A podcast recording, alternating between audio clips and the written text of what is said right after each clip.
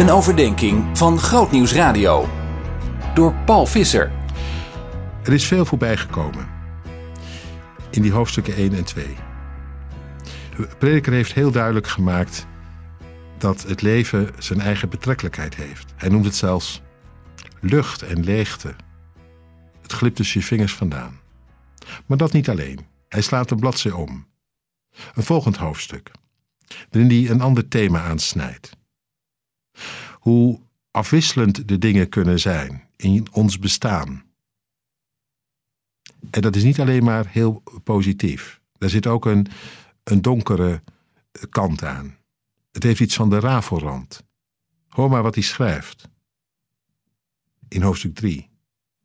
Voor alles wat gebeurt is er een uur, een tijd voor alles wat er is onder de hemel. Er is een tijd om te baren en een tijd om te sterven. Een tijd om te planten en een tijd om te rooien. Er is een tijd om te doden en een tijd om te helen. Een tijd om af te breken en een tijd om op te bouwen. Er is een tijd om te huilen en een tijd om te lachen. Een tijd om te rouwen en een tijd om te dansen. Er is een tijd om te ontvlammen en een tijd om te verkillen. Een tijd om te omhelzen en een tijd om af te weren. Het is een tijd om te zoeken en een tijd om te verliezen. Een tijd om te bewaren en een tijd om weg te gooien. Het is een tijd om te scheuren en een tijd om te herstellen. Een tijd om te zwijgen en een tijd om te spreken.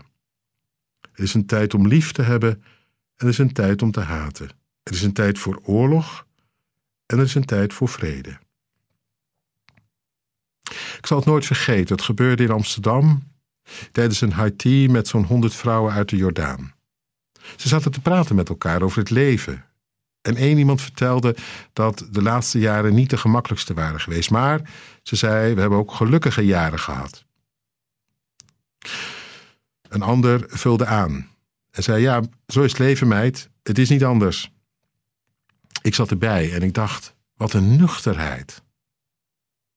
Geen geklaag, geen gepieker, Nee, het waren niet de meest gelovige vrouwen, maar ze zaten wel op het spoor van de prediker.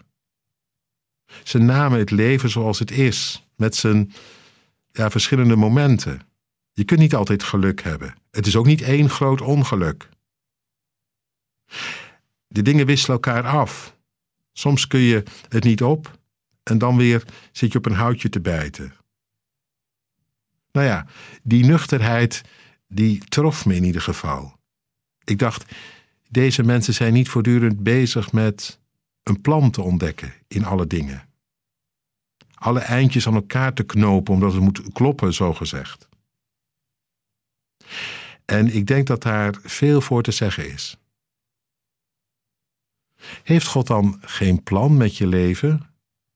Als er staat er is een tijd voor dit en dat, nou, ik zou een beetje voorzichtig zijn. Zeker. Een plan, dat heeft hij. Dat had hij in Genesis 1 en dat zet hij zelfs door, dwars door alles heen.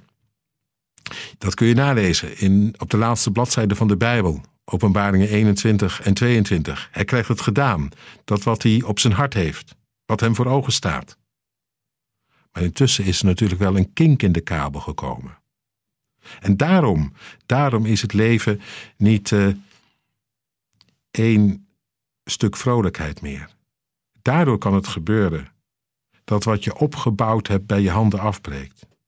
En daarom ook uh, kan het zo zijn dat je de liefde kunt ervaren en dat je toch ineens met lege handen staat. Daarom is niet alleen maar vrede, shalom, maar ook soms oorlog. Met alle ellende van dien.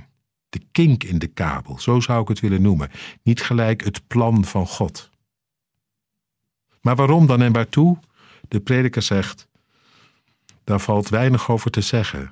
Dat krijg je niet uitgedacht. Hij zal daar later nog op terugkomen. Misschien geeft het wel meer rust om te beseffen: we zitten er middenin, in dit bestaan, wij allemaal. Zonder onderscheid, in die gebrokenheid, in dat dubbele zou je kunnen zeggen. Maar God zij dank, is dat niet het laatste woord? Is er een alfa en een omega? Is er één die zijn plan met deze wereld en met mij erbij toch doorzet. In Jezus. Daar komt het aan het licht. Lang niet altijd in mijn leven. Zin in nog een podcast? Luister naar De Preek van de Week via grootnieuwsradio.nl/podcast.